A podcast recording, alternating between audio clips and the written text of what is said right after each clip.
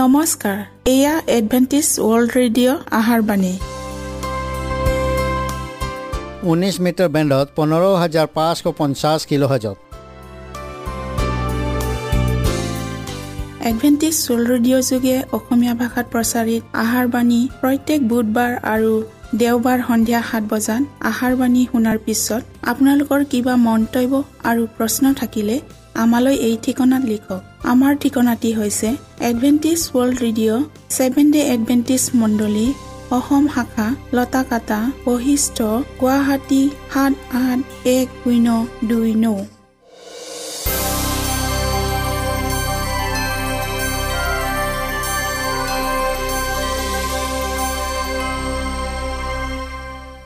প্ৰিয় শ্ৰোতা বন্ধুসকল এতিয়া শুনো আহক এটি খ্ৰীষ্টীয় ধৰ্মীয় গীত।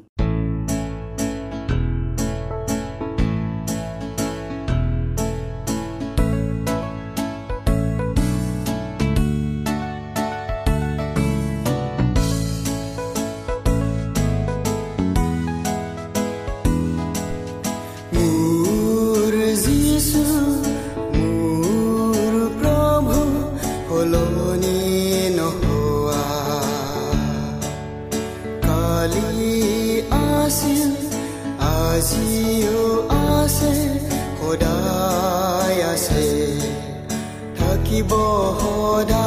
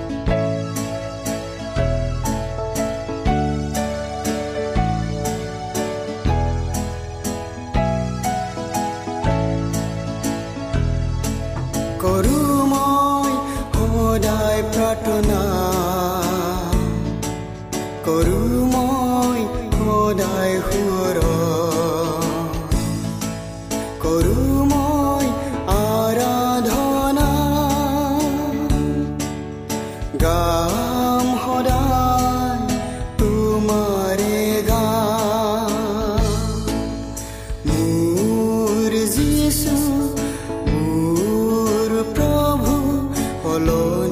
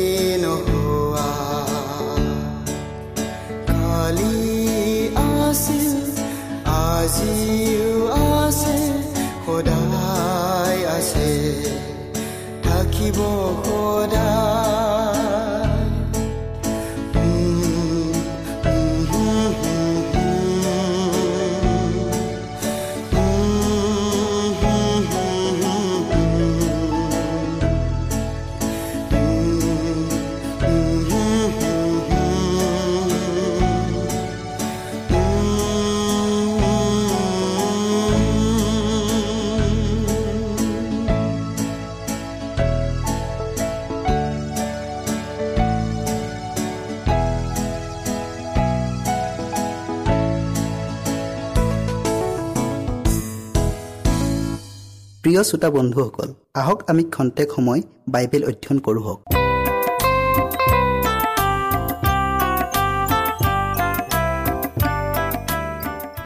খ্ৰীষ্টিয়ান হোৱাৰ কাৰণ। এই প্ৰশ্নটো অনেকৰ মানত অৰ্থহীন বা মূল্যহীন।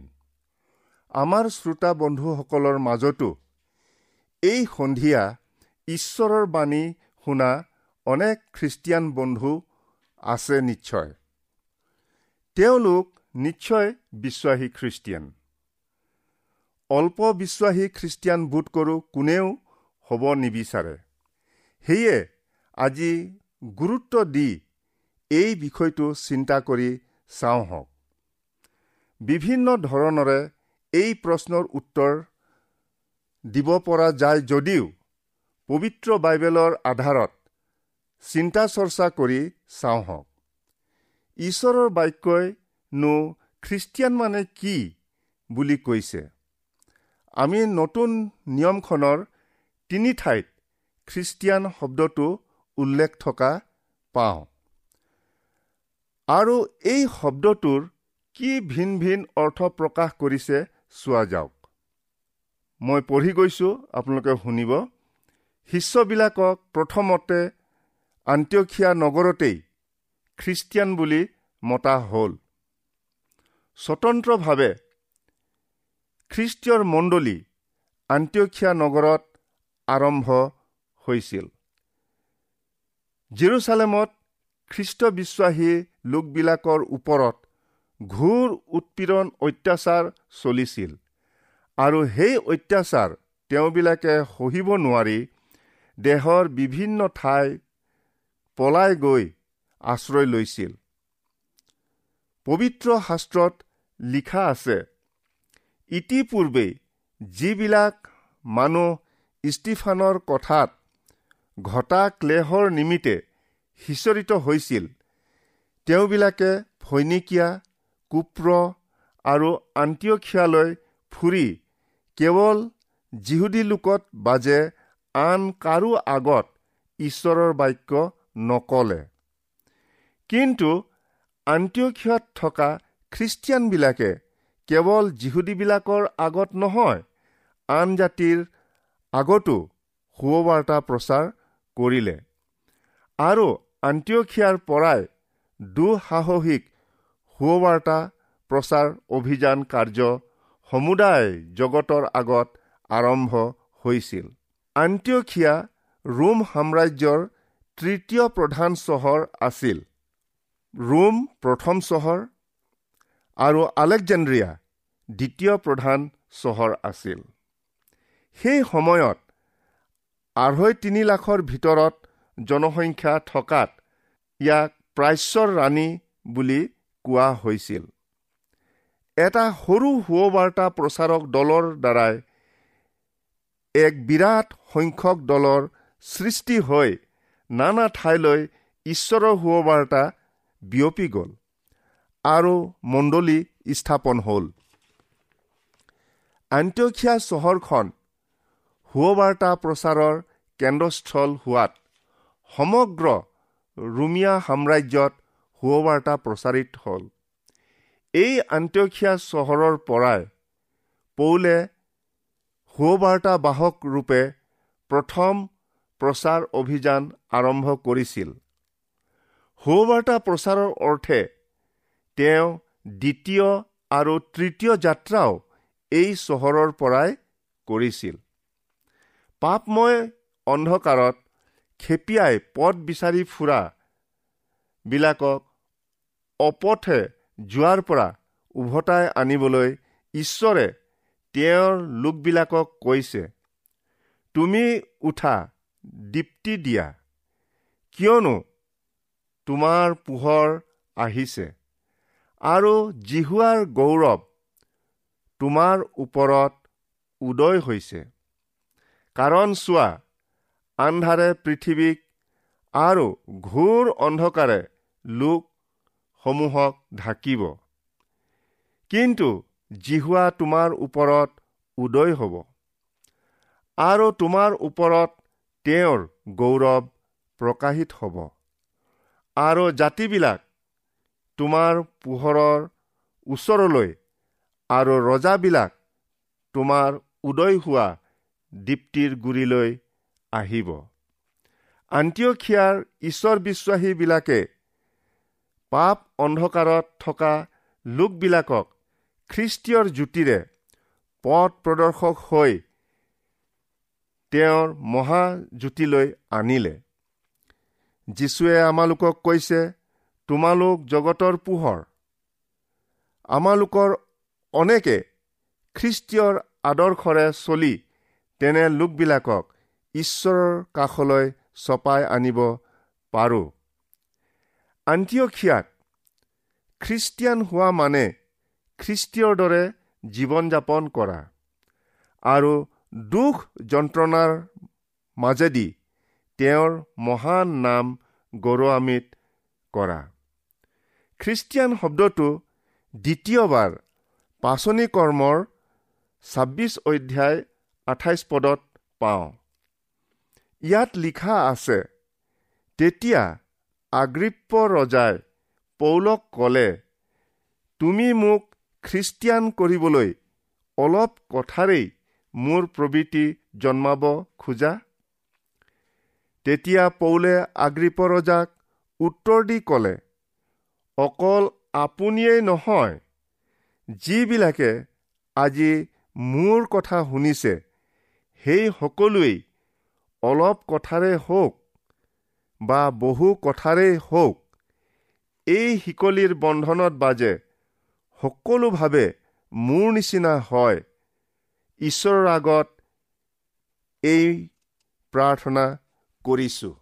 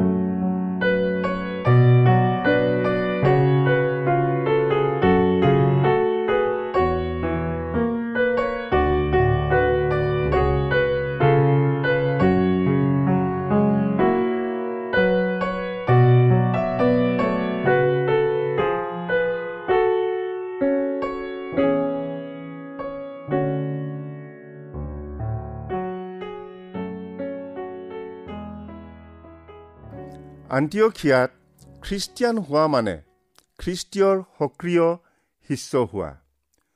নোহ ঈশ্বৰৰ বিশ্বাসী ভক্ত আছিল।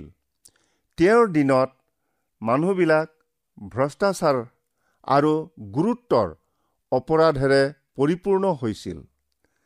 তথাপিও দয়াৰে পৰিপূৰ্ণ ক্ৰোধত ধীৰ ঈশ্বৰে মানুহবিলাকৰ উদ্ধণ্ডালি সহ্য কৰি ধৰ্মপ্ৰচাৰক নোহৰ যোগে এশ বিছ বছৰ কাল তেওঁৰ শুভবাণী শুনালে। তথাপিও মানুহবিলাকৰ মন পৰিৱৰ্তন নহল। নোহ খ্ৰীষ্টীয়ৰ সক্ৰিয় বিশ্বাসী ভক্ত আছিল। সেইদৰে যীশুৱে ভাওবাদীও সক্ৰিয় বিশ্বাসী হোৱাত যেতিয়াই তেওঁ প্ৰভুৰ মাত শুনিবলৈ পালে মই কাক পঠাম? আৰু আমাৰ পক্ষে কোন যাব?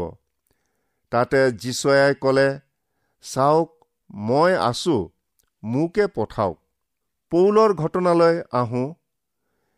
তেওঁ খ্ৰীষ্টক পোৱাৰ পাছৰে পৰাই নিৰ্মম অত্যাচাৰ উৎপীড়ন মৃত্যুৰ বিভীষিকাৰ মাজেদিও প্ৰজাতিবিলাকৰ আগত তেওঁৰ জীৱনৰ অন্তিম সময়লৈকে খ্ৰীষ্টীয়ৰ বাণী প্ৰচাৰ কৰিলে। এয়া ঈশ্বৰ বিশ্বাসী সক্ৰিয় শিষ্য কেইজনমানৰ উদাহৰণ। ঈশ্বৰৰ পবিত্ৰ বাক্যই কৈছে যিজনে শুভবাৰ্তা আনে যিজনে শান্তি প্ৰচাৰ কৰে যিজনে মংগলৰ শুভবাৰ্তা আনে যিজনে পৰিত্ৰাণ প্ৰচাৰ কৰে যিজনে তোমাৰ ঈশ্বৰে ৰাজত্ব কৰিছে বুলি চিউনক কয় পৰ্বতৰ ওপৰত সেইজনৰ চৰণ কেনে সুন্দৰ দেখা যায়।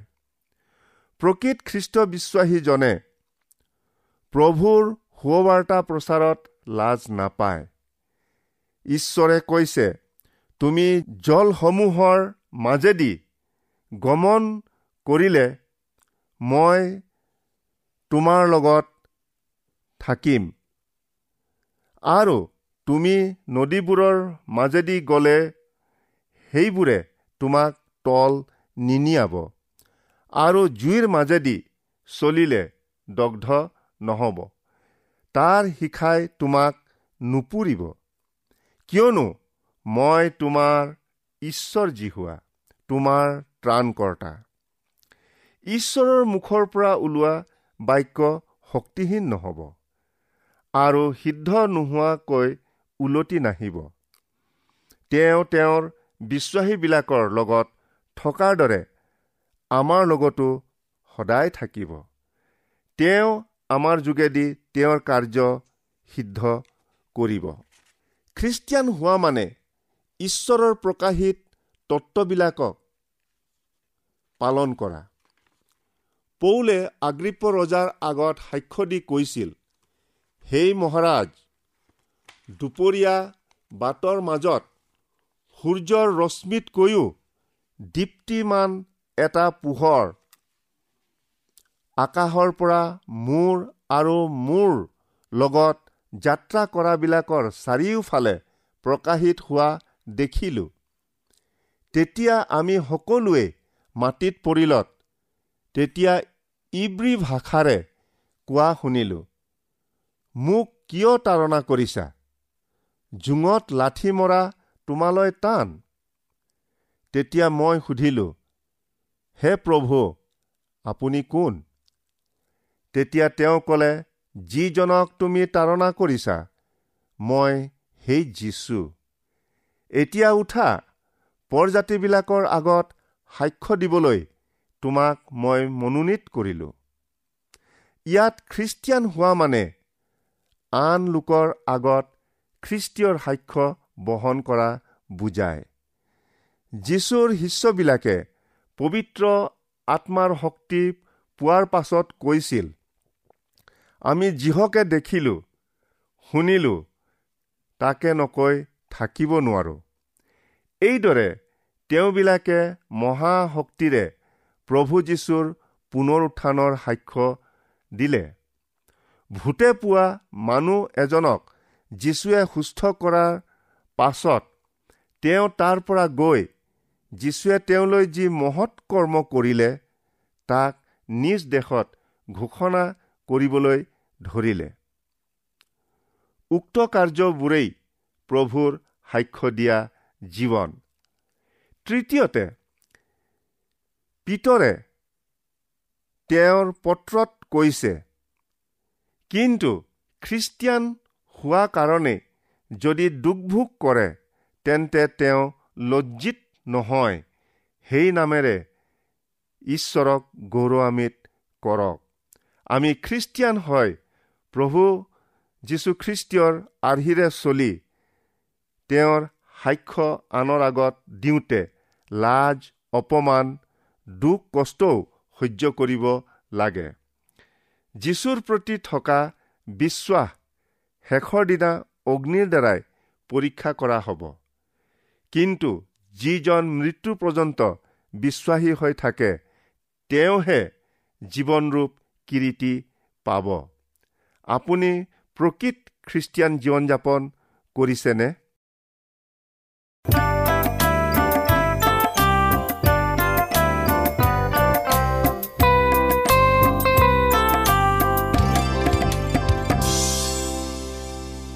ইমানপৰে আমি বাইবেল অধ্যয়ন কৰিলোঁ এতিয়া আকৌ শুনো আহক এটি খ্ৰীষ্টীয় ধৰ্মীয় গীত।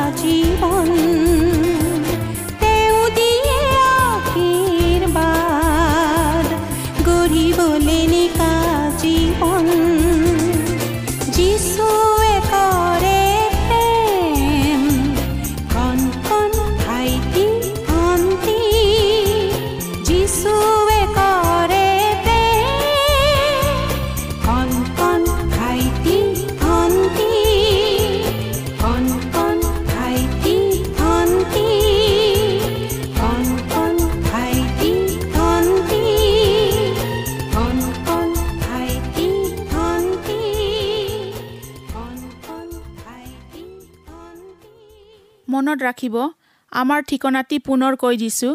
Adventist World Radio' Assam region of seven day Adventist voice of hope Lotakata Basistha Guwahati seven eight one zero' two nine প্ৰিয় শ্ৰোতা বন্ধুসকল এডভেণ্টিজ ৱৰ্ল্ড ৰেডিঅ' যোগে আহাৰবাণী প্ৰচাৰত আপোনালোকক পুনৰ লগ পোৱাৰ আহাৰে আজিলৈ সামৰিলোঁ।